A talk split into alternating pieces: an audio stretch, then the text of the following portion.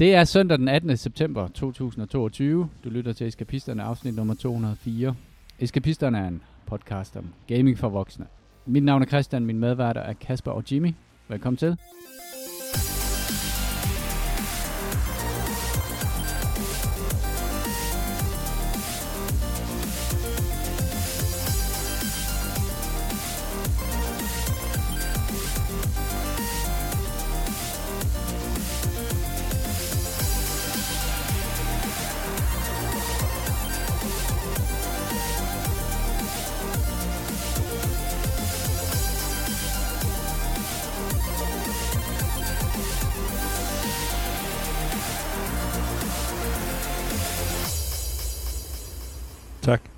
Mærke, at jeg lige øh, ændrede lidt i intonationen der, for at det hele tiden er spændstigt. Altid nyt. Ja. Nyt, nyt, nyt i den her podcast. Hej, hvad sker der nu?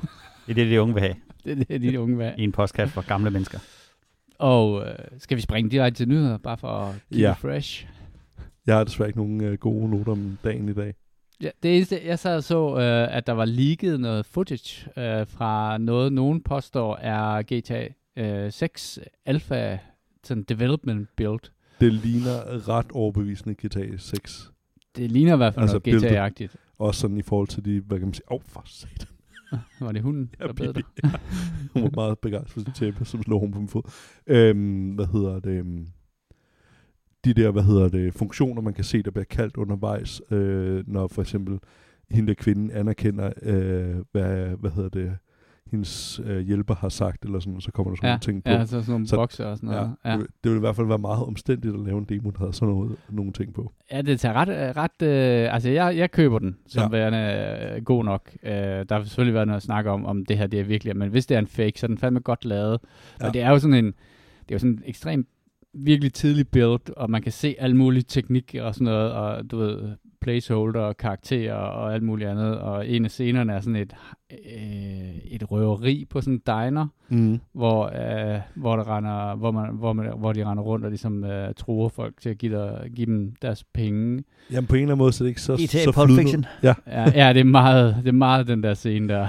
og en øh, kvindelig øh, hovedperson. Ja, det er jo så det. Ja, Så er det i hvert fald ud Øhm, til. Ja, en kvindelig hovedperson. Ja. Hvis som det er ikke rigtig sådan- modigt, så er hun en havfru.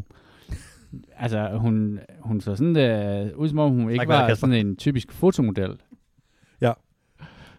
Jamen hun, hun så, hvad hedder det, ja, men man kunne også se kameraet i nogle sekvenser, altså det, det er godt arbejde, hvis det ikke er, fordi det er, hvor det er sådan helt op i hendes hår, sådan en ting, hvad fanden sker der i den her scene øh, i starten af den? Men det ser i hvert fald ret overbevisende ud.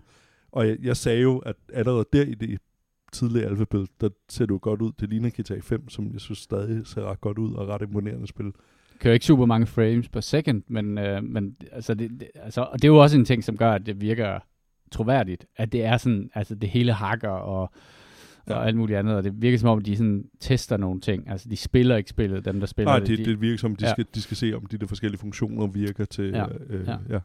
Også politiet reagerer lidt sjovt i nogle situationer, men det, det, man kan ligesom se, at de går efter at teste en eller anden funktion, og at der sker den her kæde re- øh, reaktioner og sådan noget. Så, ja. Der er sådan en politijagt, som, hvor jeg så, at den måde bilernes, øh, hvad hedder det, ophæng, suspension, Affjedring. og sådan noget, affjedring, ja, virker meget realistisk. Det var i hvert fald ikke øh, så godt i, øh, i det sidste Grand Theft Auto. Jeg synes, det var GTA 5, synes jeg ikke var sjovt at køre i. Nej, Altså, og det, jeg synes, det, jeg er måske gået mere op i, at det har været sjovt at spille, end at det har været så... Jeg ved ikke, om den var ultra realistisk i GTA 5, men jeg synes, at det var sjovere i de tidligere spil, altså at køre i det. Øh, Og det tror jeg var det, jeg der gjorde, at jeg ikke spillede så vanvittigt meget GTA 5, at jeg ikke synes, altså bilsekvenserne var så vanvittigt sjove. Og så, så, jeg ved ikke, om man kan sige noget omkring locations og sådan noget, men det, det, det er så ret sådan generisk amerikansk øh, noget by. På en Øh, eller anden måde. Nå, hvad? Kalifornien. Jo, Ja. jo, det synes jeg faktisk, det, der på den måde stak det heller ikke særlig meget af Nej, i forhold til den seneste. Og, Og ja, og det er jo altid sådan en ting, man snakke om. spekulerer meget om, når der kommer nyt GTA-spil. Hvor er det ligesom, det foregår? Og så skulle måske snakke om tidsperioden. Det øh, ser ud til, at det i hvert fald ikke blev i 90'erne, som øh, der var snak om. Det, den første scene foregår på en stripbar, hvor man kan se, at der er tynde, øh, hvad hedder det, fladskærm. Så det gør lidt, at vi Godt placerer os her et, et, et sted, der ikke er Fokus det på detaljerne der. Ja, præcis. Nå, men det var faktisk det første, jeg kiggede efter for at se, om, Det var Okay. barn. øh, om, hvad hedder det, om der, altså i forhold til det, der har været så meget snak om den der nummerplade der. Mm. Hvad fanden var det nu, der stod? Et eller andet 90s, et eller andet. Åh, oh, ja. Øhm, ja. Så det, det blev også, altså på en måde virker det som GTA 5 igen. Øh, på en eller anden måde var Ja. det, det smagte af. Øhm, Så, der er også en chance for, at de bare har sat det i det backdrop, de har. Det Det er, er muligt, hvis de bare pointe. tester funktionalitet og sådan noget. Ja. Jeg troede først, at også, fordi der er så mange af de der placeholder-karakterer, som ligner sådan nogle androids, så den, det er sådan lidt cyberpunk-agtigt, men jeg tror bare, det var, det er for fordi at de ikke havde. CD Projekt Red fuldstændig. og det var, men det Se, var, hvordan man laver Cyberpunk. de har lavet, jamen, der, der lavede de faktisk også noget, som mindede rigtig meget om noget, jeg så i, uh, i Cyberpunk. Det var, at der var nogen, der stod og havde sådan en samtale, og de, uh, hun beskyldte ham for at være utro, eller sådan et eller andet, og da de så var færdige med det, så t-posede de begge to op i sofaen, og bare stod sådan. det synes jeg var fedt. Det kan være, man bare skal til at begynde at indbygge det i sin hverdag. Så at, at Bare sådan 10 poser falder Ja. om på en sofa eller sådan noget. uh, Freak life folk ud. imitates art. Sådan, ja, det er sådan en mic drop. Ja. 10 poser, så svæve ud af rummet. Mm. Det bliver måske lidt svært. Og på rulleskøjter. Ja, det er selvfølgelig ikke. ja, for hvad? Øh, ja, det, øh, det er alt, hvad der har med GTA og sådan noget, og lugter lidt af det, og sådan noget, selvfølgelig har jo lidt nyhedens Har de snakket om udgivelse endnu? Nej, det har, tror jeg ikke. Ikke hvad jeg ved af, øh, andet end at de har sagt, at, at det kommer. Jamen, og så ved vi jo også, at det kommer til både, hvad hedder det, øh, til tre konsolgenerationer, tænker jeg, ikke? Ja, altså ligesom femmeren. Ja, det tænker jeg. Så det tænker 5, jeg. 6, PlayStation 5, 6 og 7, ikke? Så. Men det er jo farligt uh, sted at begynde at pille, fordi det nuværende GTA er jo stadigvæk et af de spil, der sælger allermest hver eneste måned, når man kig- kigger på de der charts. Hvilket, ja, Og så er hvem der er det, der køber det spil? Altså, Kæmpe hvem fejl, der- at de ikke uh, udgav det i går. Nej, de skal udgive det uh, lige præcis uh, om et år minus en dag. Så siger du på Den- 10 års jubilæet, og ja. hvornår det kom. ja, det, vil, det er da meget, øh, det er en meget god dato at sigte efter. 17. september 2023, det er mit officielle gæt. Det er hurtigt, tror jeg. Det, Jamen, det de er virker hurtigt. Det er hurtigt. Ja, jo. Det virker som, der skal finpudses en lille smule endnu. Ah, ja, Der skal lige uh, skrues lidt. skal det fald lige putte noget, ja, noget øh, HDR og noget ordentligt teksters på mange af de der karakterer der. det, det er er bare en, hvad hedder det, øh, flag til, hvad hedder det, til deres grafikmotor, det bare Jeg tænker enabler. måske, så andre. altså GTA har jo været sådan en metaverse, hvor man kan alt muligt. Ikke? Altså man kan bare, det er sådan en legeplads, og det, nu sad vi lige og snakkede om det, Jimmy. Vi savner det der sted, man logger Savner det ind. der sted, du bare går ind, og så sidder du og nifler lidt rundt og bygger din karakter lidt bedre, eller pimper et eller andet. Altså sådan, hvor du bare går ind, og så, så nifler du lidt rundt, og så går du ud ja. igen. Ikke? Altså MMO'et. Ja, nemlig. Ja, lige, lige, præcis. Ja. Den der fornemmelse, man havde med en MMO, hvor det var I sådan... har ikke tiden til det. Nej, det har vi nok ikke. Det har vi nok ikke. Det er bare en rigtig trist podcast. Men det er bare, sådan, det er bare drømmen, drømmen Ja. ja. om at have det der sted, Ja. ja. hvor man bare klubben, man møder sine venner og sådan noget. Ikke? Det er vigtigt. Det er vigtigt at have et sted. Alle kender dit navn. Ja, Ja. ja. nemlig. Og man kan, Sam's Bar. Ja. Øhm, T-posing. Så har jeg et andet, en anden nyhed, jeg har skrevet på, øh, som er, at øh, Sony nu har bedt øh, de engelske myndigheder øh, om at øh, efterforske, og, om der ikke er noget øh, helt galt i, øh, i den handel, øh, som øh, Microsoft er i gang med at gøre, hvor de er i gang med at købe øh, Activision Blizzard. King. Må jeg spørge om noget der? Sådan bare indledende. Det må du bare gerne. Hvad har de engelske myndigheder med noget at gøre? Ja, det er et godt spørgsmål. Og jeg tænker, de har, har jo mistet endnu mere indflydelse nu, hvor de røg ud af EU, så det kan ligesom ikke blive ført videre til EU-domstol ja. eller noget. Og det, det er jo der, hvor Margrethe Vestager lige øh, sender nogle regninger afsted, hvis hun... Ja, jeg tror, at det har noget at gøre med, lidt ligesom Danmark rigtig meget er et Playstation-land, så er England også rigtig meget et Playstation-land. Altså, der er rigtig, rigtig mange, som har... Altså, Playstation er bare den dominerende konsol i England. Og måske er de bare gået efter et eller andet sted, hvor at, øh, de vidste, at øh, rigtig mange mennesker har Playstation. Og det, som de sådan, ligesom forsøger at mane frem, det er, at det her det vil være rigtig dårligt for the gamers, Ja, ja. hvis øh, de ikke længere kan spille øh, Call of Duty på, øh, på Playstation. Men var det ikke det? Hvor, sådan, hvis man skal tænke over det, hvorfor vil Microsoft afskære sig selv for det? Det virker ikke sådan, altså...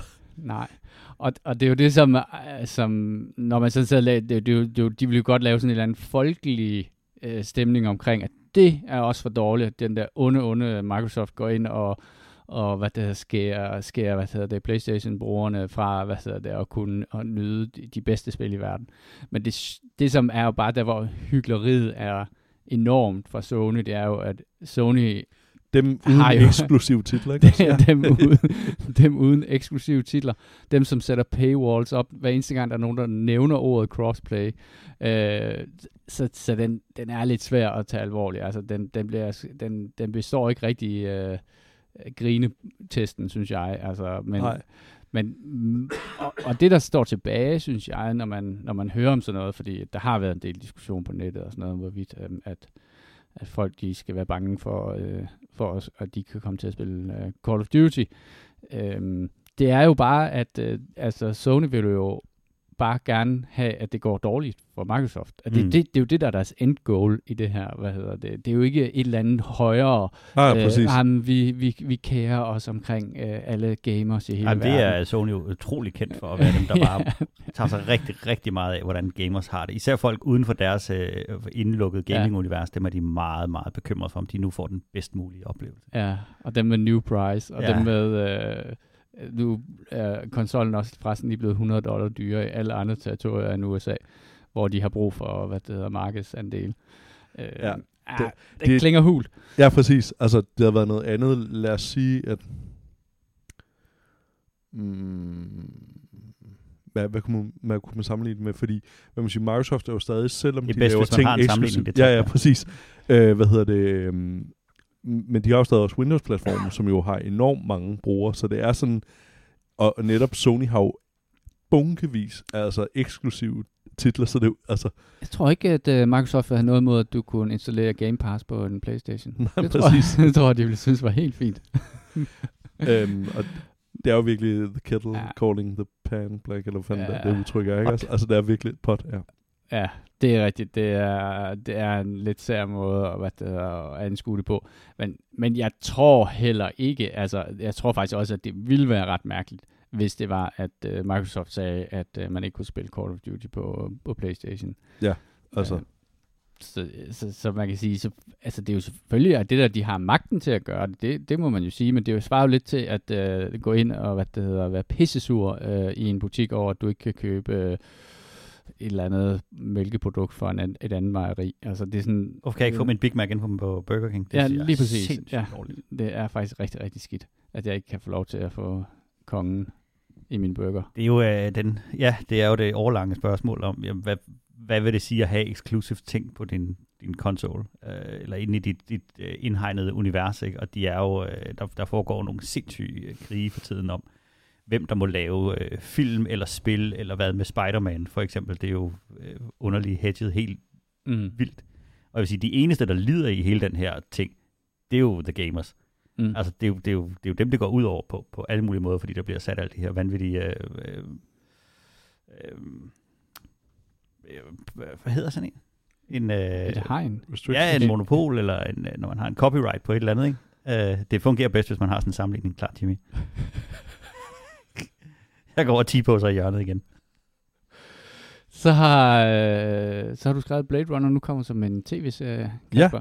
Øh, yes. Som jeg læste lige, det er noget med 50 år efter den sidste film. Den kommer til at hedde Blade Runner 2099, så Uh. det skulle være til at det er det ud, nyeste nye inden for foregår. Blade Ja, Running. det er det, de løber rigtig hurtigt. Øh, Nej, nej, med at skyde den 50 år frem, så den ikke bliver overhalet af virkeligheden, mens de laver den. Præcis. Det er så pisse irriterende. Øh, hvad hedder det? Nej, øh, Blade Runner 2099, som foregår ja, 50 år efter den seneste film. Øh, og øh, ham, der er showrunner på det, det er ham, der også står bag. Hvad er en showrunner? Det er Bare ham, der er chef? ham, der er chefen for det hele. Okay. Den, øh, jeg vil gætte på det sådan, det, der er jo også den der forskel på amerikansk og europæisk, hvem der ligesom har, hvad hedder det, um, cuttet øh, på ting. Jeg vil tro, at det er en, der ligesom er...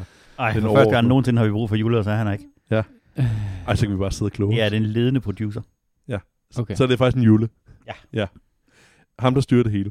Øhm, der også stod bag, hvad hedder det, Halo TV-serien på Paramount. Øh, der er ikke nogen dato eller, hvad hedder er det noget, godt eller skidt? eller information. Jeg vil sige, at det umiddelbart er lidt skidt. Jeg synes ikke, at Halo-serien på nogen måde, øh, hvad hedder det, jeg snakker faktisk lidt øh, frem og tilbage, men, men Nennert om, hvor der sådan, den løfter sig på ingen måde. Det er ikke noget, hvor jeg rigtig bliver bit af det, eller noget. Altså, den er flot og alt muligt, men den har ikke, øhm, der sker bare ikke det vilde i det. Jeg er bare ret begejstret, når der står Blade Runner. Det, jeg, jeg håber, at det bliver godt. Man kan se den. Nej, nej, nej. Den, Nå. den er på vej. Det er Nå, kun sådan okay. helt... Øh, nu er de bare bekræftet, at den kommer, og de er ligesom sat lidt flere Men er der kommet på. en eller anden cyberpunk-serie eller sådan noget? Ja, det er der. Den står nede under anbefalinger. Nå, okay. Så tager vi den der. Mm. Så tager vi den der. Hvad det, jeg ikke har set? Uh, spændende. Ja, ja det var det. Så der er utrolig meget om, om ingenting, men øh, at den ligesom er på vej. Øh, Altså, det er jo et, et univers, som jeg synes er mega fedt. Ja. Øh, men jeg er jo også jeg er bare lidt nervøs for, at de ødelægger det, eller ikke laver noget, der er super fedt. Øh, ja, når, når det ikke er, hvad hedder det, Ridley Scott eller Denis Villeneuve, Ja. så bliver det måske lidt... Øh, Ja. Jeg vil rigtig gerne have, at de ikke ødelægger det univers. Det, det er virkelig, virkelig fedt. Men det, det bliver måske også lidt svært, at, hvad, hvad man skal forvente af det, fordi at de to andre øhm, film er jo altså ikoniske, for at sige det mildt. Øh, og med musikken og alting, og, og hvor flot det er. Så det er... Ja, jeg, er- jeg er spændt på det, men øh, hvad hedder det? Man, man kan også frygte lidt, at ligesom... Hvad hedder det? Lord of the Rings-serien, som jeg stadig ikke synes, ligesom, øh, der sker det vilde med endnu. Øhm, at, at det bliver på samme måde udvandet, udvander et eller andet, man rigtig godt kunne lide. Øhm, men ja, nu må man se. Jeg kan huske, at, hvad var den, den der hed Altered Carbon? Som Ja, på sæson bøger? 2. Den synes jeg jo på en eller anden måde var sådan en åndelig øh, Blade Runner Ja, ja. progression. i- Indtil vi kom til sæson 2. Ja, den Ja. ja. så jeg så aldrig, men Det skal øh, du også etteren var jo virkelig, virkelig fremragende, synes jeg. Etteren er jo helt vildt fantastisk. Øhm, og der skete jo det, at de var lang tid om at hvad hedder det, forny den. Så ham, der var hovedpersonen, ham der øhm, svenskeren der, kinomanden der, øhm, Joel Kinnaman. han øh, jo skrev under på at være med i flere sæsoner af For All Mankind. Øhm, så det er jo lidt ærgerligt, øh, han var fænomenal i den serie. Ja. Og jeg ved ikke, om han havde hjulpet, hvis han var, havde været hovedperson i, i anden sæson af Altered Carbon. Den virkede bare forfærdeligt. Det virkede bare ikke, fordi at, at man havde brugt virkelig lang tid på at bygge en eller anden form for sympati op, eller en forståelse op af alt det der, og så skifter du skuespiller, men Ja. skal fortsætte i den samme.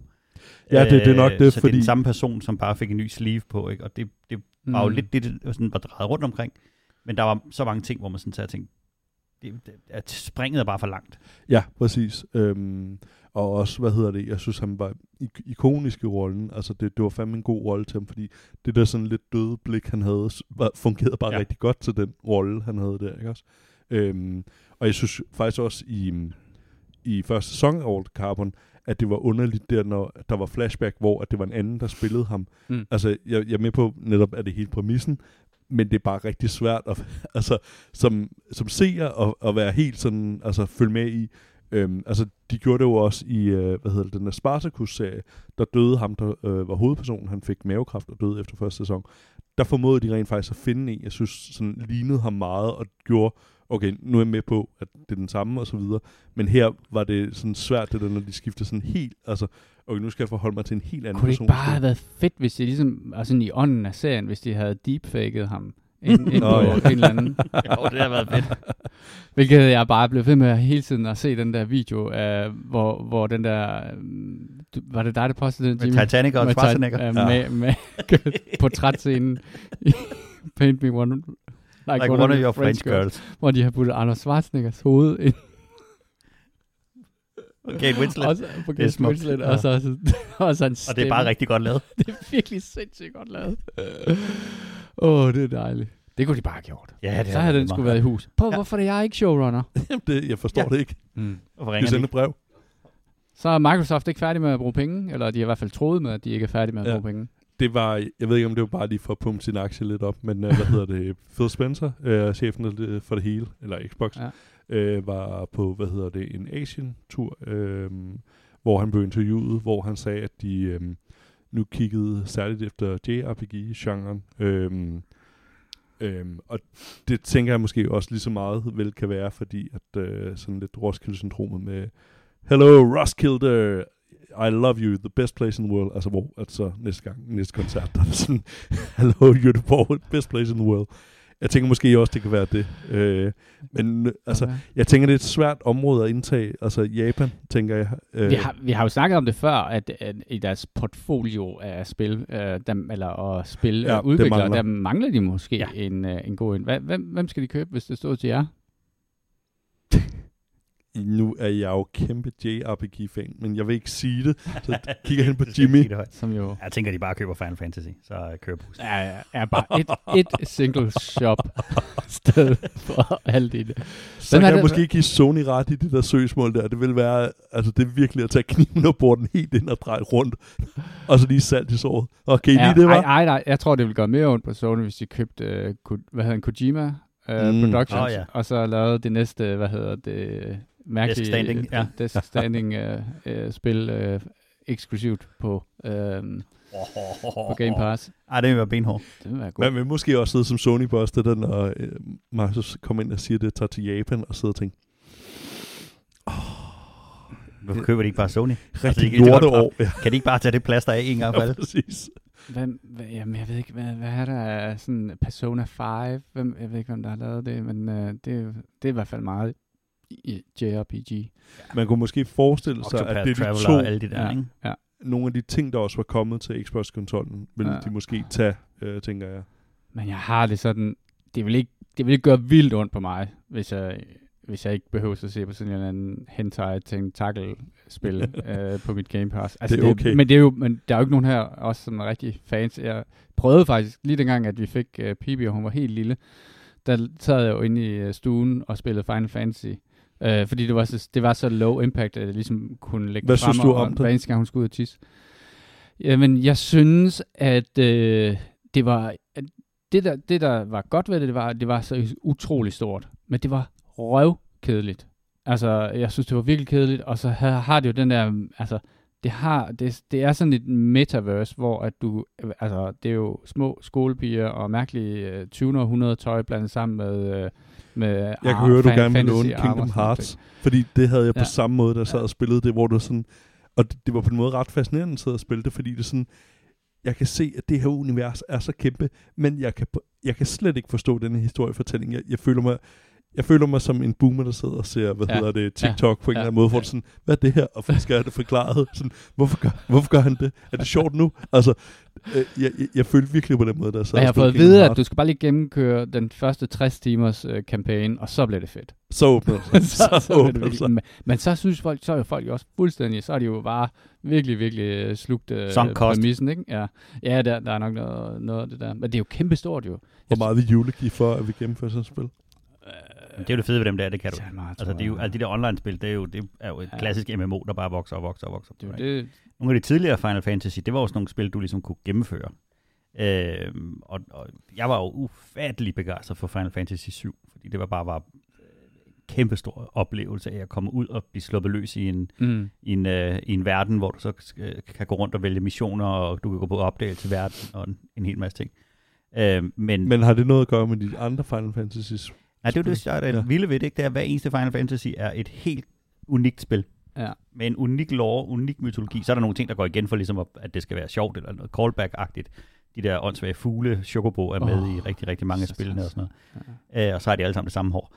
Men, men det er, jo- de, de opfinder jo et nyt system til hver eneste gang. Altså det, det, så, er det, så er det nogle sten, du skal samle, eller også så er det noget magi. Eller, altså de, de opfinder en helt ny lore hver gang. Det er meget fascinerende faktisk. Hvis der var nogen, der lavede et sådan Akira eller Ghost in a Shell-agtigt, øh, sådan hardcore, er det, er det et JRPG? Jamen, jeg tror bare, det jeg står af på, det der kawaii, øh, det er der underlige, og de der øh, hvad det hedder, teenage-dramaer og sådan noget, der, der er sgu ikke øh, Men det er de jo, det i er, øjeblikket. det er de bare en eller anden årsag utroligt begejstret for. Altså de der Ja. spil, hvor du spiller øh, en, der går i skole, og så skal du samtidig være øh, Ja. slås, eller så er Ja. det øh, børn, der kører kampvogne, eller det, det, de er meget fanget i den der øh, præpubertære tid. Og jeg tror, det er noget med, at det er sådan en, det er sådan en mere det er sådan en uskyldig tid. Kærligheden kan være lidt uskyldig og lidt forvirrende og lidt fnisende og lidt, øh, lidt, Ja. ja. lidt mærkeligt. Jeg ved ikke, Men det, jeg synes, det er noget, der går Bare sådan utrolig nogle meget. temaer, som sådan Vi vender fuck, tilbage til fuck det. mænd i 40'erne Det er en lille- bare en lille totalt tænder på. Totalt står af på. Hvis I sidder derude og har en god anbefaling til... Så hvor sender vi vi lærer dem videre forstå til... Øh, Om der er jo rigtig, rigtig mange af de der spil, som mekanisk set er enormt ja, ja, ja, gode. ja, altså ja, Fire Emblem og alle Ja. de der, ikke? ja, Øhm, og der, der er altså mange af dem der, jeg står af på, fordi at det bliver for kawaii og for, for, for Mm. pysenysset og for fnisende agtigt. Jeg elsker jo, altså Metal Gear Solid-spillene er jo nogle, nogle af de eneste, som, som virkelig rammer benhårdt ned i noget, som både er fedt og seriøst, og samtidig lidt, lidt spøjst og, og, og, og ja. kiltet. Ja. Men, men de kan godt have den der seriøse protagonister, de kan have den der seriøse tone hele vejen igennem spillene, det kan være hårde og ubehagelige og alt muligt andet. Øhm, der er bare en, en, en, en tendens til at falde ned i den der fælde med det der Men, det, skolepige det, men, men, ja, men altså, i, tilbage til, at han bare skal købe uh, Kojima. Ja, øh, bare køb det. fordi- Altså, bare, bare, bare jeg var køb det, og så gennem altså, Metal. Gear spil, spillet det sidste der, som er det eneste, jeg har spillet, ikke?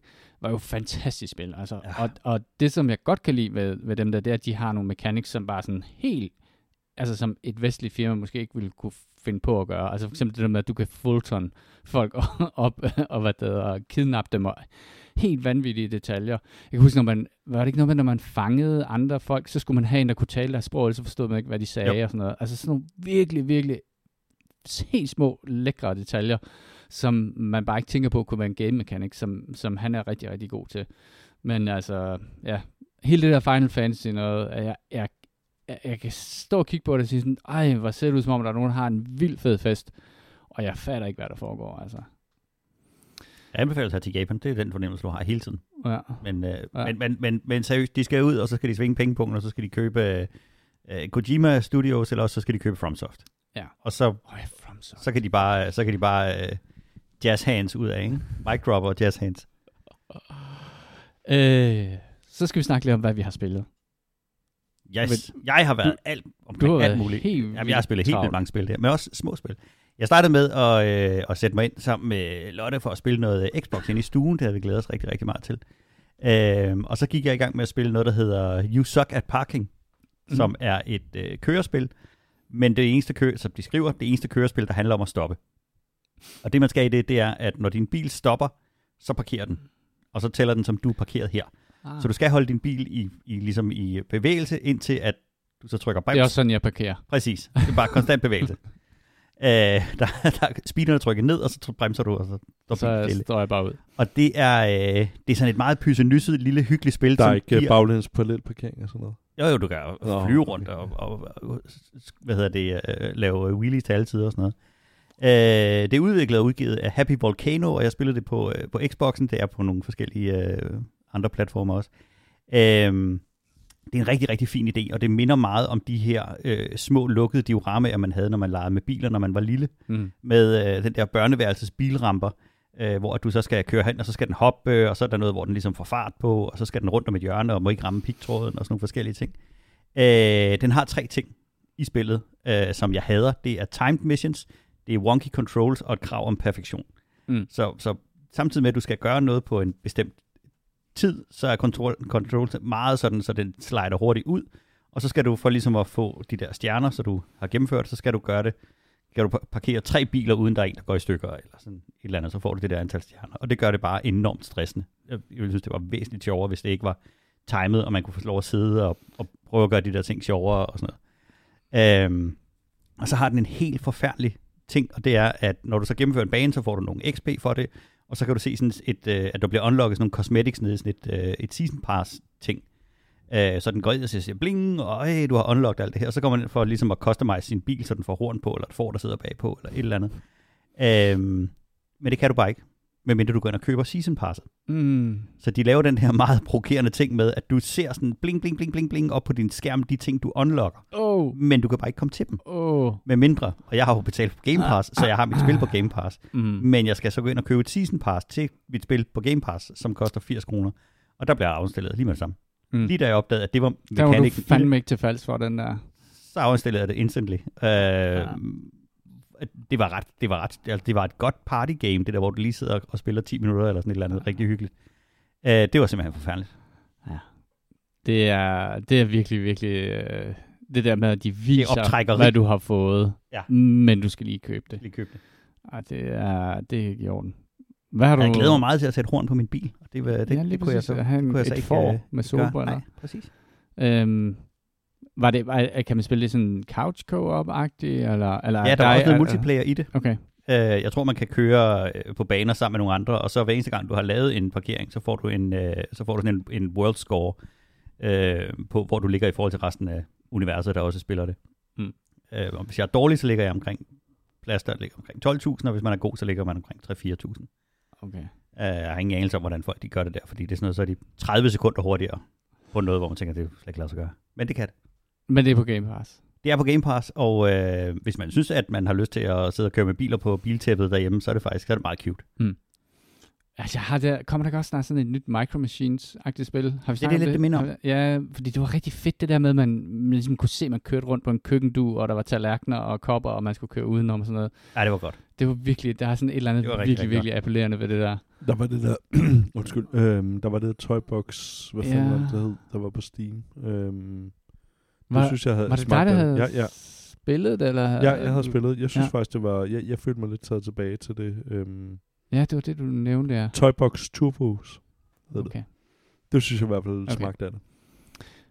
Men du har spillet alt muligt andet, ikke også? Jeg har spillet alt muligt andet, men I skal da også have lov at snakke. Okay. Jamen, jeg vil godt lige snakke om... Øh, jeg har spillet Steel Rising, som er øh, et spil, der er lavet af dem, som lavede Greedfall. Øh, Det er et godt spil. Ja, ja og, og det er sådan en klassisk... Øh, altså, de har, de jo, det er jo dem, som ligesom holder skansen i forhold til at lave double-A-spil, som ikke er helt triple-A, men er sådan nogenlunde kompetente. Og de har været sådan... Jeg tror faktisk også, de lavede sådan et eller andet, der hedder Technomancer eller sådan noget tidligere, som var sådan, også sådan en fighter. Øh, og har altid haltet lidt med, at det ikke var så godt øh, sådan mekanisk, eller der, var, der er altid sådan et huller i osten, når de laver noget. Øhm, men de har øh, med det her Steel Rising, som er en Dark Souls-like, eller hvad man skal kalde det, øh, har de lavet et spil, som er um, sådan, øh, i hvert fald det, der gjorde, at jeg sådan faldt for det, eller købte det til at starte med, var, at øh, jeg rigtig godt kunne lide settingen. Det ser meget sådan Bloodborne-agtigt ud. Man spiller sådan en øh, robot, som øh, vi er i den franske revolution. Øh, og øh, i en alternativ version, hvor at øh, Nå, Marie Antoinette har fået lavet sådan en, øh, en bodyguard-robot, som er, eller øh, i mit tilfælde er sådan en, danser, en danserobot, øh, som så, hvad hedder det, øh, skal beskytte hende. Og øh, det, der er sket, det er, at The Clockwork King, øh, Louis, øh, har sendt sine dræberobotter ud for at slå revolutionen ned. Øh, og det er hun så faktisk imod, og, og så spiller man så øh, den her robot, som begiver sig ind i, i Paris for at, øh, for at finde The Clockwork King og hvad der slår ham ihjel.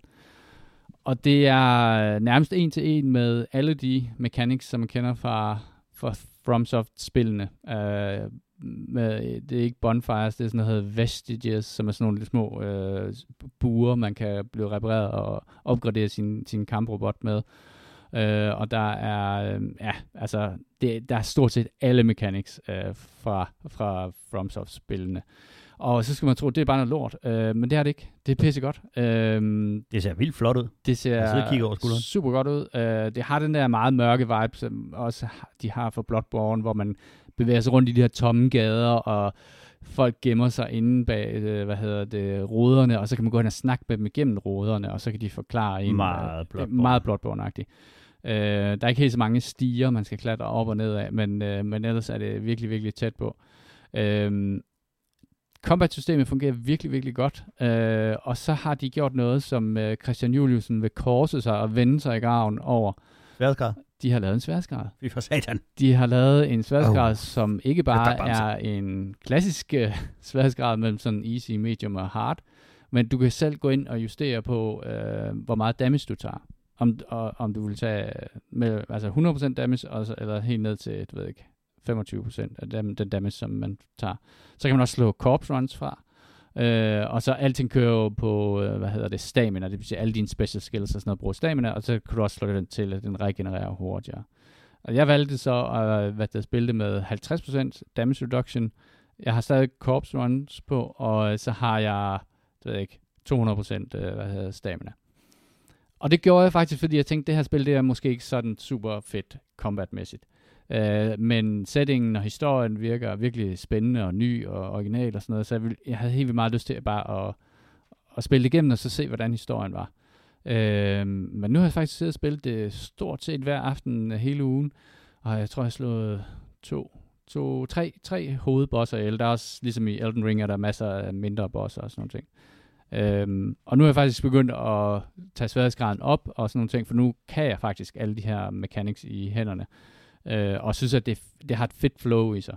Øhm, der er ikke, altså, der er ikke sådan noget roly-poly. Til gengæld så øh, dodger man til siden. Og det har, ja, det har sådan cirka samme effekt som rolling.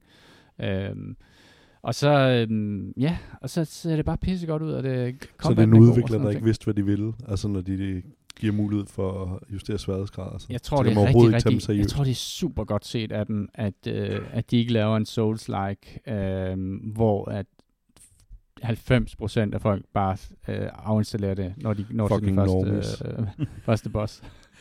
Jeg er ikke Juliusen, hvis I skulle mm. være i tvivl. Ja, um, og Juliusen, han vil jo have det her spil på grund af den, den feature, og han vil jo ikke kunne gennemføre det med ro i sindet, over at han i hvert fald ikke uh, skruer på de her settings her, fordi han velvidende, at jeg sidder herhjemme og snyder, vil jo ødelægge hele hans fornøjelse med, med det spil. Men jeg, jeg vil Skal bare vi ikke få ham til at spille det? At det, jo, jeg giver en middag, hvis du gennemfører det, Jule. øhm, jeg, jeg tror bare, det er rigtig, rigtig godt set af nogen, som er forholdsvis øh, en lille udvikler, eller i hvert fald også en udvikler, som ligger så meget, meget tæt op af hvad det hedder, FromSofts spil, at hvis man vil have folk til at gennemføre det her spil her, så skal man, så skal man sørge for, at de kommer i mål. Øhm, man behøver sikkert bekymre de, sig over de 20 mennesker, der er på, hvad hedder det, Reddit uh, Elden Ring forum, hvor de brokker sig over. Hvor de klipper helt ja. Og så er det et spil, der har fået sindssygt middelmåde anmeldelser af alle de, øh, hvad hedder det, um, officielle sådan, journalistiske outlets, og ligger vanvittigt højt uh, i Metacritic uh, blandt brugerne. Uh, hvilket også uh, gør, at uh, altså sådan nogle ting, når der er sådan en discrepancy i forhold til, hvad, hvad skal man sige, den officielle presse mener, og hvad brugerne øh, mener, så, altså, så tænker jeg nogle gange, at det som brugerne, øh, nogle gange har de bare lyst til at spise øh, bøf sandwich med sovs. Altså, det behøver sikkert være finere madlavning hver eneste gang, man har et spil. Og det her, det er håndværksmæssigt, holder det virkelig, virkelig godt. Og nej, det kommer ikke til at hvad det, vinde nogen øh, fine præmier eller sådan noget. Men jeg er virkelig, virkelig underholdt, mens jeg spiller det, og det, øh, jeg kommer til at gennemføre det, det er jeg ret sikker på. Øh, jeg synes, det er et fedt spil. Så giver Tilbage til dig, Jimmy. Jeg giver den med dig. så laver jeg mad til dig. Jeg øh, har kigget øh, så på et spil, der hedder Jungle Resistance, som vi er blevet øh, anbefalet at kigge på. Øhm, og det er øh, lavet og øh, udviklet og udgivet af noget, der hedder Favor Toy Studio, som har sådan en, nogle børnespil på, øh, på, på banen. Øh, og det er noget, som jeg faktisk har overhovedet ingen erfaring med, øh, men som jeg har hørt meget tale om, og det er det, der hedder Tower Defense-spil. Øh, Øhm, det her det er så lavet med nogle dyr, man skal sætte i nogle forskellige, hvad hedder det, tårne, og så kan det være nogle aver, der kaster med noget, eller nogle tiger, der går ud i slås, eller sådan alt muligt andet. Øh, og jeg har, jeg har valgt at se det lidt i den ånd, at det er tydeligvis et spil, der er lavet til børn. Øh, men det, er, det ligner noget, der er early access, og der er virkelig, virkelig meget, der skal poleres i det. Øh, for eksempel når du øh, noget, små ting, der irriterer mig, så er der jo nogle ting, de klipper ind i hinanden, ind i baggrunden, eller hvis du opgraderer din abe, så går han fra med at kaste med bananer til at kaste med sten. Hvis du opgraderer ham igen, så går han tilbage til at kaste med, øh, altså så, så, så falder den der animation tilbage igen og sådan noget. Øh, jeg kan godt se, hvad det, hvad det, øh, hvad det øh, afhængighedsskabende er i de her Tower Defense-spil, fordi man bliver ved med at sidde og tænke, om jeg skal lige prøve igen og igen og igen og igen. Øh, men det virker, det virker simpelthen som et, øh, et mobilspil, der bare er lavet på, øh, på Steam, og så smidt ud på... Øh, der er virkelig også mange af de her Tower Defense-spil, som er mobilspil. Ja, og det, jeg, tror, det, jeg tror, det her det er tænkt som et mobilspil, eller så er det en prototype på et mobilspil, som, øh, som er kastet sammen i, øh, i Unity, og så, øh, og så er det sådan ligesom bare... Men der, der, det vil, jeg, vil, jeg vil sige, der er så mange towerspil, at, som er gratis, som er, øh, som er bedre, som er flottere, som, øh, som fungerer bedre øh, mekanisk end det her. Jeg var, øh, jeg var sgu ikke øh, særlig øh, imponeret. Men jeg tror, at, øh, jeg tror også, det er lavet til en, øh, en målgruppe, der måske er 40 år yngre end mig. Det, det, det kommer jeg ikke til at spille det der. Nej, det tror jeg ikke. så jeg kigger på det. Men tak, fordi du prøver det, så jeg ikke behøves. Jamen, det er det, vi gør her. Jeg offer mig. Jeg, jeg, drikker også nogle gange en Barolo til under 300 kroner. Det er ikke. Sådan er det. øh, Kasper? Ja? Raptor? Ja, det er klassiske fra 94, tror jeg det er fra, øh, udgivet af Apogee. Øh, så hvis man øh, kan, kan huske de der, hvad hedder det, øhm, de der, hvad hedder det, det kan huske det der, øh, ja, de, de står bag en del ting.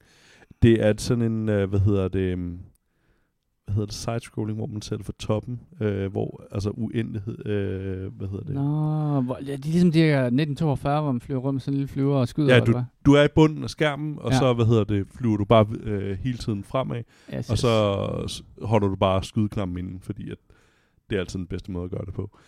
Øhm, det, øh, hvad hedder det, jeg, jeg sad bare og kiggede, hvad jeg havde at spille, øhm, og øh, så, så faldt sådan over på, den, på Steam, og så prøvede jeg at spille det på, jeg var i sommerhuset, så jeg fik lige spillet på min laptop der, og det er bare super underholdende. Det er en af de spil, da jeg var lille, Ja, Det lugter bare grillbar, det der. Ja, der Det har gør det. virkelig meget grillbar Ja. ja. over det. Og man kan spille det på alt, øh, altså med mus, man kan spille tastatur, joystick og hvad man nu gerne vil, vil spille det som. Øh, Jeg spillede rigtig meget med min far, øh, og synes, øh, det er fandme underholdende. Der har, animationerne har et eller andet over sig, og man kan skyde alting stort set i stykker, og det er bare hyggeligt. Så hvis man øh, har tænker, jeg vil ikke vende tilbage til, til tingene, fordi jeg husker dem som bedre. Det her kan man godt gøre det med. Man er virkelig underholdt. Og så er det faktisk ret svært, selvom jeg har taget det på den absolut easyste måde der. Mængden af gange, jeg får tæv, øh, og ikke kommer videre end første bane, det er, det er imponerende. Øh, men øh, jeg, jeg synker i hvert fald nogle timer, med flere timer i det. Det, det, det er virkelig underholdende. Og det handler- fagsproget hedder en uh, vertical uh, scrolling shooter. Okay, jamen det, det er sådan en, jeg har er det, spillet. Er det, og det er ikke remastered eller noget som helst, det Ah. ser lige så fucked up ud som Det det er- er, 4.3 og, og Ja, ja, det, hvis du starter den op på, hvad hedder det, um, på Steam, hvor jeg spillede det, så øh, kan du se, at der lige bliver launchet en DOS-box, og øh, Mm. så det, øh, det har jeg underholdt mig med. Det, øh, det er kamp sjovt. Det koster ikke, tror jeg, mere end 5 euro eller sådan noget. Så hvis man lige har lyst til at komme ned i memory lane, der står også, øh, hvad hedder det, at man ikke bør dele det på uh, Bullet uh, Forums uh, softwaren, fordi det går ud over piracy og så videre. Altså, det er manualerne fra dengang. Det, det er bare fuldstændig, og hvis man vil bestille det internationalt, og hvis man vil bestille det nationalt, hvordan, hvad for nummer man skal ringe på, de sidder klar 24 timer i døgnet, og have de credit card det kunne klar. så fedt at ringe til ja, dem. Ja, præcis. Og se om nummeret stadig eksisterer. nu tager Ja, telefonen. præcis. Øh, jeg tænker, det er sådan noget, der er rigtig godt på Steam Deck og, og den slags. Jeg havde et lignende... T- Og apropos det, så valgte jeg jo så at det Steam Deck. Det virkede ikke rigtigt. Den, Nå. den er ikke kompatibel med det. Den forsøger at, hvad hedder det, øhm, at lave mus, øhm, og den rammer ikke Ah. rigtigt på skærmen. Øh, og jeg, jeg tænker, det må, måske også lidt forståeligt, når det er et, et DOS-box-ting, der kommer op og kører og sådan noget, at det, den måske har det lidt hårdt ja. øh, med det. Men jeg sad faktisk netop og tænkte, det var, det var derfor, jeg faktisk i første omgang faldt over til at tænke, okay, nu skal jeg spille det på Steam Deck. Og så prøvede jeg, og så tog den, de har ikke testet den nu. Nej, det, det havde jeg jo prøvet før, hvor det så virkede fantastisk godt. Det gjorde det bare ikke her, på nogen måde. Så det blev på, hvad hedder det, min, min bærbare, hvor den jo sjovt nok kørte glimrende, når spillet var for 94. Ikke dårligt.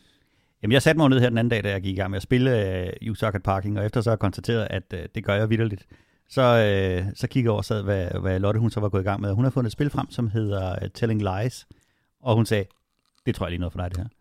Så det uh, installerede jeg på, fra, uh, fra Game Pass. Det er udviklet af en uh, gut, der hedder Sam Barlow, der også har lavet Her Story, uh, og udgivet af Annapurna Interactive. Uh, og det er et meget, meget anderledes spil. Uh, man har rollen som en efterforsker, som efterforsker en sag omkring miljøterrorisme, og man kan så sidde uh, og kigge rundt og søge i sådan en uh, NSA-videodatabase. Man har Og det er rigtig video, ikke også? Jo. Altså, Det er full motion video, eller hvad man kalder Interfacet er en, en, et desktop, det. Mm. hvor du kan sådan sidde og trykke på et hard drive, og inde på hard drive, der ligger der nogle forskellige filer, der er noget skrald i trashbinden, og men det du kan, det er, at du kan Og søge... miljøterrorisme, det er det der, hvor øh, dem, der har været en del af på det seneste, hvor de har blokeret vejene for, at man laver en miljøindsats. Ikke alle the big corporations, der smadrer hele verden, ikke også? Nej, nej, dem der, er- dem der er øh, imod de big corporations, der smadrer verden, altså dem, som ja. Det vi, vi vil kalde good guys, men måske. Ja. lidt øh, misforstået. Det de gør her, er, at de vil, øh, de vil sørge for, at der er en pipeline, der ikke kan blive bygget, fordi at så, vil den, øh, så vil den ødelægge... Fucking miljø. terrorister, mand. Ja, frihedskæmper eller terrorister. Ja, hvordan du kigger på dem, ikke? øhm, Det hedder noget med Nord Stream. det er ikke meget galt. Øhm, og alle de her klip, videoklip, du kan kigge ned i, det er så full motion video øh, med rigtige skuespillere. Øh, og det er øh, mesterlig præstation. Altså, de er virkelig, virkelig dygtige, de her mennesker, der laver de her øh, skuespilspræstationer. Jeg savner de der dage, hvor det var virkelig dårligt. Ja, det var det. Det var helt... Og jeg husker Wing, altid... Wing Commander. Og problemet er, at jeg husker Commander altid de der, øh, de der full motion videoklip som utroligt dårlige, corny, og også i sådan en i sådan virkelig øh, billige kostymer med, med en baggrund, der hænger lidt skævt og sådan noget her. Her der er det altså, øh, det er virkelig høj filmproduktionsværdi. Mhm. Mm-hmm. Øh, masser af locations, masser af interaktion. Øh, og det der så er, det er anderledes i den her, så er det den her videodatabase, der er alt det, de taler om. Der er sådan nogle, videoklippene er sådan mellem et minut til 5-6 minutter lange. Og alt tale, de laver i de her klip, det er indekseret. Vil du sige, du kan søge på enkelte ord. Mm. Og så hver eneste gang du søger, det allerførste hun gør, det er at taste ind, at man skal søge på ordet love, og så får du så et vist antal klip, du ligesom kan gå i gang med. Så ser du et klip, og så tænker du, det var da et interessant ord, det klikker jeg på. Så sidder de og taler lidt, når du springer ind i det klip, og så kommer de, nævner de måske et navn, og så tænker hmm, det ved jeg ikke, hvad man er. Trykker på det klip, og så sidder du på den måde og stykker noget sammen. Øhm, når du har set, øh, hver gang man ser en, en ny, øh, hvad hedder det, øh, et nyt videoklip, så springer tiden en lille smule frem i den der, øh, i, jeg tror du har fire timer in-game, øh, som også var cirka den tid, jeg, jeg brugte på det. Og så når du så er nået dertil, så har du så stykket cirka det sammen af, af, af videoklip, der er. Jeg tror, det er omkring, når du har set omkring 50% af, af de tilgængelige videoklip, så øh, slutter spillet, og så får du en ending baseret på det Mm. hvem du har interageret mest med, eller hvad for en storyline du har, du har fulgt øh, mest med i. Øh, man skal ikke indeksere noget, og man skal ikke øh, ligesom øh, gøre noget eller samle noget. Det eneste, du skal i det her spil, det er sådan set at samle din egen opfattelse af, hvad der er, der er sket, og så prøve at sætte den der tidslinje sammen op i hovedet. Men du skal ikke taste noget ind nogen steder. Du skal ikke, der er ikke nogen win conditions eller, eller noget som helst. Øh, men den skuespilspræstation og de ting, man oplever ved at, at sidde og følge med i det her, de her mennesker, man bliver sådan virkelig, virkelig investeret i dem og deres øh, problemer og deres løsninger, og hvad fanden det er, de roder sig ud i. Øh, det, var, det var en oplevelse, som, som den, den sidder stadig i kroppen på mig, og det er, det er et par dage siden, at, øh, at jeg spillede det. Man kan spille det igennem på en aften. Ja. En meget, meget anbefalesværdig oplevelse, og en, en helt anden take på et, på et spil. Føles lidt som en, en walking simulator, men en, en slags øh, en detektivhistorie, hvor du sådan skal sidde og samle historien, øh, fordi der er ikke nogen kronologi i, hvornår at de der, hvis du, hvis du søger, der kommer fem klip frem med noget, jamen, så er det hen over to år. Øh, så kan du se det i den rækkefølge, du vil. Har du, øh, har du lyst til mere af den slags? Ja, så jeg skal spille den, der hedder Immortal, mener du? Immortality, tror Ja, jeg nok, det, det er hedder, rigtigt, som er, det er det. ret nyt også på Game Ja. Pass, som også er sådan noget full motion video, hvor man sidder og, og skal scrolle igennem sådan nogle, Ja. nogle clips, som er sådan noget b-roll fra filmoptagelser med sådan en kvindelig øh, stjerne, men jeg, jeg, jeg ved faktisk ikke særlig meget om det andet end at... Jamen, jeg har tænkt mig at øh, installere det, og så give mig i kast med det, uden at vide noget som helst Ja, ja, om, det- hvad det er. tænker jeg faktisk er ret Det interessant. tror jeg kunne være den sjove måde at gøre det på. Fordi Det- det var det sjove ved det her, det var, at det tog mig rigtig, rigtig lang tid, før jeg overhovedet forstod, hvad det var, det Ja. ja. handlede om. Og det var en del af Og det er jo en del af spillet, Ja. ja. at, at du skal sådan sidde og tænke, hvad, hvad, hvad fanden er det, jeg, jeg ser her? Hvad er det, der foregår? Ja, sejt. Og så på et eller andet tidspunkt, så stykker man så sådan en, en tidslinje sammen med, okay, mødtes de, så skete det, så skete det, så skete det, så skete det. Og så alle de klip, du har set efterfølgende, dem sidder man sådan og prøver at, at få til at passe ind i den der tidslinje. Det er ret morsomt. Og slutningen, er det sådan et spil, der tror du, det er designet til, at man skal spille det flere gange? Jeg tror ikke, det gør man- noget at spille det to gange. Mm. Øh, fordi at der, jeg ved jo, der er cirka halvdelen af videoklippene, har jeg ikke set, så der kan godt være sket en hel masse ting. Men jeg har svært ved at se, at der kan være sket noget meget anderledes i forhold til timelinen, eller til, til hvad der skal ske. For det er jo ikke sådan, at der er parallelle timelines eller det Der er jo kun én handlingsforløb, og så kan det være mere eller mindre detaljeret. Så kan jeg, jeg kan få det samme handlingsforløb, men ved at se nogle andre ting. Mm. Øhm, og rigtig mange af de her samtaler, der, er, der, der ser man kun den ene side af en samtale, fordi det ligesom er en, en, et intercept. Så du ser halvdelen af en, en øh, hvad hedder det, Skype-samtale. Ah, Det vil sige, der er en, der sidder helt vildt længe og sådan kigger og lytter. Mm-hmm. Mm-hmm. Og så siger jeg et eller andet, og så går der et minut igen, hvor de bare sidder og lytter. Så kan, kan du så, hvis du er, lidt snu, så kan du så finde den anden halvdel af den samtale, fordi ud fra kontekst af, hvad har de snakket om, eller sådan et eller andet.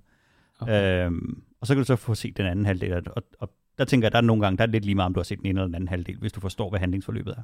okay, Øhm, jeg kommer ikke til at spille det igennem igen. Nu ved jeg godt, hvad der er, der er sket. okay. Anbefalinger? Vi øh, Jeg har til ikke at... nogen denne uge. Overraskende nok, ja. Er der ikke sket et eller andet Star Trek-agtigt i verden? Overhovedet? Det vil ryge under nyheder, selvfølgelig. Nå, okay. Det er jo, en, det er jo obviously anbefalesværdigt. Præcis. Nå, men jeg har set noget øh, på Netflix. Øh, jeg har set øh, Cyberpunk Edge Runner, som er en... Jeg har øh, også set noget på Netflix, Gulli Gris. Nå, nej, kom lige om der er Vent lige. Wait your turn, man. Der er, øh, jeg har set den, øh, det er en øh, manga, i, øh, i, i, decideret i øh, Cyberpunk 2077-universet. Øhm, og den minder jo en lille smule om øh, computerspillet, og, og rigtig meget om øh, rollespillet. Mm. Historien er, at der er en, øh, en ung gut, som selvfølgelig er en øh, 17-årig teenager i, i, i skole, hvor han ikke rigtig hører til. Øh, svært ved at tilpasse sig, han er sådan lidt edgy og lidt, lidt fræk, og øh, hans mor er bare enormt hårdt arbejdende og arbejder som ambulancepersonale læge for at, øh, for at kunne holde ham i den her skole, som er enormt dyr.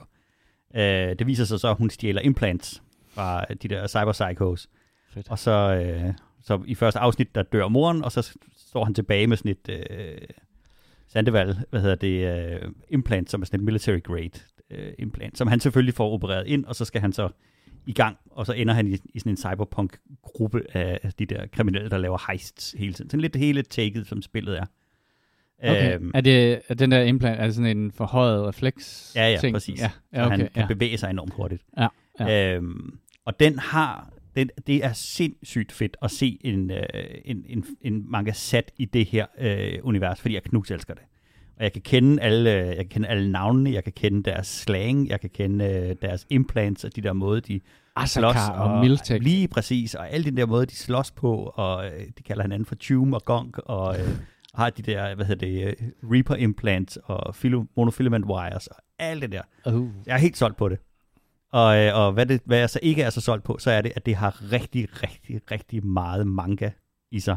Med, med sådan noget fnisende, øh, Åh. hvad hedder det, øh, øh, kawaii-ting, øh, hen over sådan noget ultravold. Foregår så er det i Japan, eller er det... Ja, det foregår i den der Neo City. Night, Night City? Night City, eller? øh, ja, okay. det er 100% i det univers. Okay. Det er den samme by, han er i, og man kan genkende mange settingsne og sådan noget. Mm-hmm. Øhm, og det eneste, der... Jeg skal lige have set de sidste pauser, jeg kommer til at æde dem, men det, det eneste, der, der skræmmer mig en lille smule, så er det, det er tegnet på den der måde, som... Jeg ved ikke, om det har et eller andet form, det har selvfølgelig en eller anden form for navn, men den der måde, øh, mange mere moderne manga er tegnet på, hvor at nogle gange, så er de tegnet som sådan helt vildt simple figurer, der bare står som nærmest bare sådan en stickman-figur øh, med to prikker og så en smiley. Nå. Øhm, og så nogle gange er det enormt detaljeret og tæt på. Og så bruger de, øh, så har de rigtig meget, hvor de øh, genbruger de samme animationer. Hvis at han skal, for eksempel skal have lavet en operation på, hvor han skal operere et eller andet lort ind eller ud af kroppen. Så genbruger Kører de bare den samme sekvens Så er det den igen? samme sekvens, der kører igen. Og det er helt klart et kunstnerisk greb, de laver. Altså det, Ja. det er meningen, at det skal Det være er ikke for at spare penge. Det er det helt sikkert ikke, Nej. fordi der, der er ikke sparet på noget i den her. Det, det er ret tydeligt. Men, Okay. men så er de, øh, så, så det er sådan en helt bestemt øh, genre. Jeg er sikker på, at der er nogen, der kan forklare mig præcis, hvad der, er, der foregår.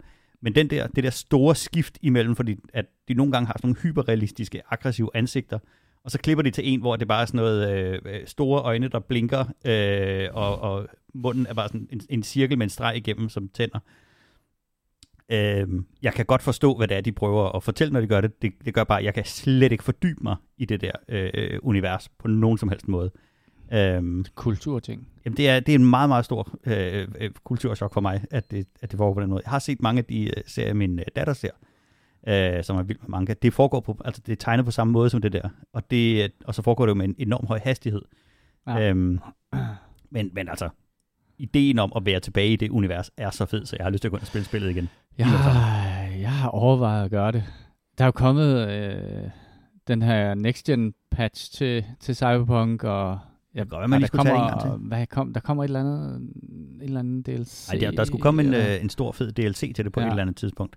Jeg er ligeglad, hvad den, hvad den koster, eller om den er gratis. Det, så Ja. tænker på det tidspunkt, der samler jeg det op så igen. springer vi ind i det igen, og Yes. så skal vi lige se, hvor, hvordan det føles. Øh, jeg så nemlig en, der havde set tegneserien, og det er noget med, at han, er, han, han bruger det her hyperreflekser, ikke? Ja. Og så havde han forsøgt, så han hoppet ind i Cyberpunk-spillet, og så havde han ligesom forsøgt at lave en karakter, der lignede ham så meget som muligt. Og der, åbenbart kan du lave en karakter, så, som gør, at nærmest stort set hele spillet går, foregår i slow motion, når du går Ja. ja. det der combat mode der. Så du, han kunne bare løbe rundt til folk, som nærmest ja, de kunne ikke nå at vende sig rundt, fordi så var han bag ved dem, og så slicede han dem bare med sådan nogle nogle Klør. øh, jærven klør der. Øhm, så der er sådan, jeg, jeg tænker på, sådan, jeg spillede det rigtig meget sådan traditionelt øh, mand med maskinpistol-agtigt, Ja. ikke? Jeg brugte ikke særlig mange af de der ting der, så jeg, jeg sad og tænkte på, er der et eller andet, er der noget fedt at udforske der med, med skills og eksperimentere og sådan nogle ting frem og tilbage. Jeg synes bare ikke rigtigt, at jeg kan huske, at deres skillsystem var super appetitligt, men Ej, men det jo- de der implants, du laver, de kan jo gøre, at, at dine battles bliver helt sindssygt Ja. øh, meget nemmere. Blandt andet der, hvor du kan, hvor du kan hacke dig ind i folk og ligesom øh, slukke for deres implants. Eller, Nå ja, det er der, rigtigt. På et eller andet tidspunkt, når du når højt op, jamen, så stort set alle, der kommer frem, dem kan du bare kigge på og slukke for. Ikke? Så, Det kunne være meget sejt, hvis man kunne starte et nyt spil, hvor man så sagde, jamen nu vil jeg være noget den helt vej, ja. andet end den der traditionelle mand med, Ja. med gevær, øh, som jeg har en tendens til at spille i rigtig mange spil. så, øhm, men men det, øh, det, var fedt at, det, var, det var fedt at komme en, en Tour de Force tilbage i det der øh, univers. Øh, formen er jeg måske ikke super duper enig i, men, øh, men, men det giver også noget, det giver nogle friheder, at de, at de kan lave nogle vilde ting, og de er ikke bange for at være både, øh, både voldelige, blodige og, og hyperseksuelle, og, og, og, og de laver også nogle karakterer, som er meget skæve, og det, det er rigtig, rigtig fedt. Jeg har fundet en, en podcast, som jeg synes er lidt spændende faktisk, øh, og, og det her, det kommer du til at elske, Kasper, ikke? også fordi at øh, det er en podcast øh, af en gut, der hedder Lex Friedman. Den har jeg faktisk hørt par afsnit af. Har du hørt den? Jeg har hørt Hvad- afsnit. Ja, okay. Men grund til, at jeg blev opmærksom på ham, det er, fordi han var gæst i Joe Rogan.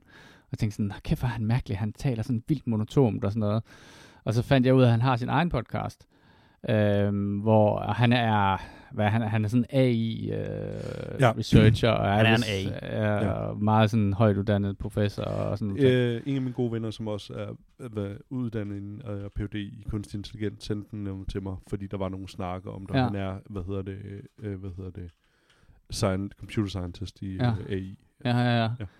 Men han har lidt det samme, altså bortset fra, han er ikke Joe Rogan, der sidder og ryger cigar og drikker whisky og ryger hash og, og har mærkelige teorier omkring øh, UFO'er og sådan noget. Det, ikke, at det gør noget. Men, men øh, han er meget sådan, han er meget tør, men det han er god til, det er, at han er god til at lade folk tale. Øhm, og han har nogle rigtig spændende gæster. Jeg hørte et afsnit, hvor han, øh, hvor han øh, havde sådan en øh, futurist inde og snakkede om, øh, hvornår, øh, hvornår the singularity vil opstå, og hvorfor det vil opstå inden for, øh, jeg tror hans, hans bud var, at det vil opstå øh, i 2042, og han mente, at i 20 29, der vil øh, man have udviklet AI, som kunne bestå den der Turing-testen, ikke?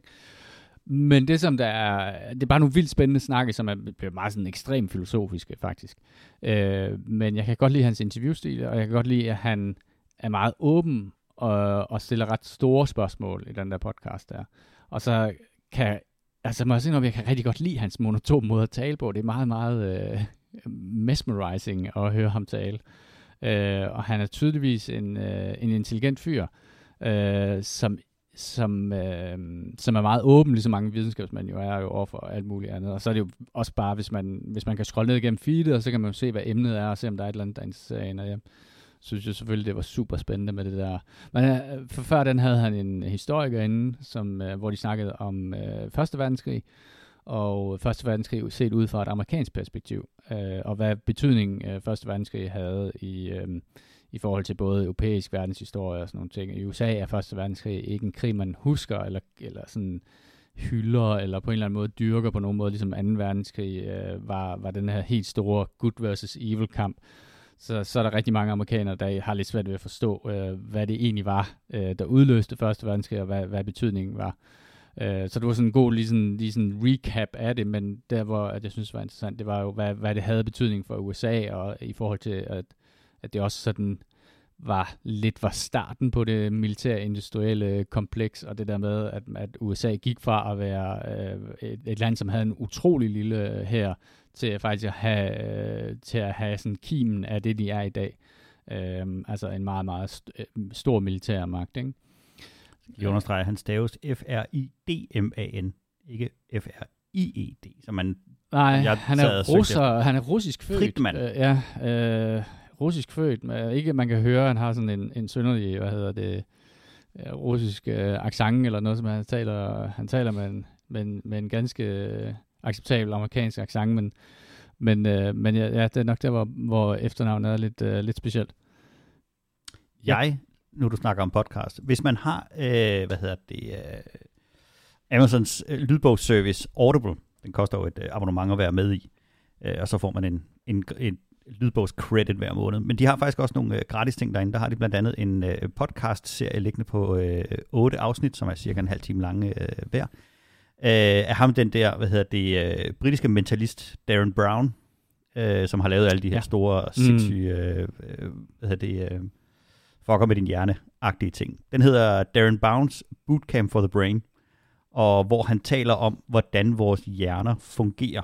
Og i de her otte afsnit, der kommer han rundt omkring en hel masse af de her øh, ting omkring moderne forskning med, hvad er det, hjerner gør godt, hvad er det, hjerner gør dårligt. Øh, for det første, så er han en ekstremt øh, sympatisk at lytte til. Han taler virkelig, virkelig flot og spændende og, og godt, og så, øh, og så kommer han på en, en halv time cirka, får han vendt et meget, meget tungt emne kogt ned til noget, som man sådan kan, kan meget let spise popcorn-agtigt. For eksempel, hvorfor kan vi ikke multitaske? Altså, hvorfor findes det ikke inde i vores hjerner at kunne det?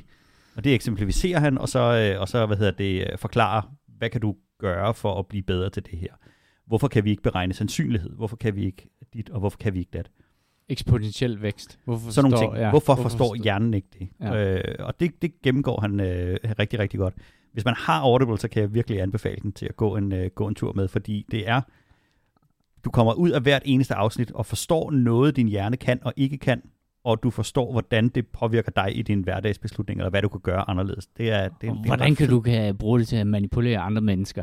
Og, hvordan, og han fortæller også en del om, hvordan at han laver nogle af de der sindssyge illusioner, som han jo laver. Ja. Øh, og hvad det er, der gør, at, at man sidder og tænker, det er jo helt umuligt. Altså på et tidspunkt, så siger han, da han snakker om sandsynlighed, siger han, hvis du tager en, en mønt og laver plat eller krone øh, fem gange i træk, hvad er så sandsynligheden, efter den har været plat fem gange i træk, hvad er den så på den, den sjette? Er der større eller mindre sandsynlighed? Sammen. Det er det samme. Men så viser han jo på sit show, et, øh, hvor han sidder og laver, øh, hvad hedder det, øh, krone 10 gange i træk. Ja. Og så siger han, hvordan fanden gør han det? Så siger han, "Jamen, jeg har brugt hele dagen på det. Jeg viste bare kun et enkelt klip. øhm, og og der, der er en masse ting om, hvordan at vi som mennesker ikke forstår sandsynlighed. Øh, og, og laboratorieforsøg, som viser, at rotter er bedre til at beregne sandsynlighed, end mennesker er. Fordi vi har sådan en idé om, at det skal være retfærdigt. mm. Altså hvis det bløder noget mange gange i træk, så, så Ja. skal det være. Ja, Vi ja. prøver at forudsige ting, selvom vi godt kan regne ud, at det kan jo ikke blive sådan. Nej. Den kan jeg virkelig, virkelig øh, anbefale. God podcast. Jeg kigger Jeg bare på dig, Kasper, jeg fordi det er bare noget. så mærkeligt at sidde her og lave anbefalinger, uden at du siger noget. Det er som om, at Kasper er gået hjem. Mm.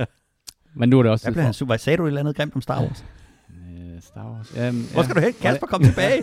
Og de der warp drives i TIE Fighterne, som er gået i stykker. Nej, jeg kan Nej. simpelthen ikke. Nej. Nej. Husk, at du kan finde os øh, på øh, eskapisterne.dk og alle de andre steder, man finder sin podcast, og du kan skrive til os. Øh, og det kan du gøre på vores Gmail, som er escapistpodcast.gmail.com. Det var alt for denne udgave af Eskapisterne. Hvis du synes, at podcasten er god, så del den med dine venner. På vegne af Jimmy, Kasper og mig selv, tak fordi I lyttede med.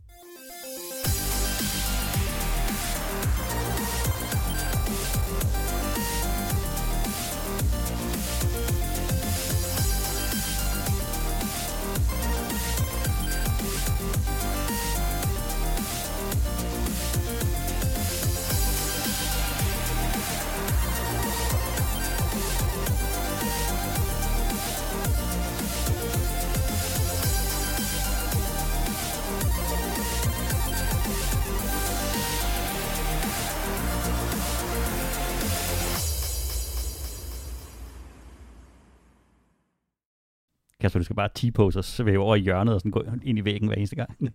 der, er nogen, der er nogen, der siger noget. Sejl sidelands ud.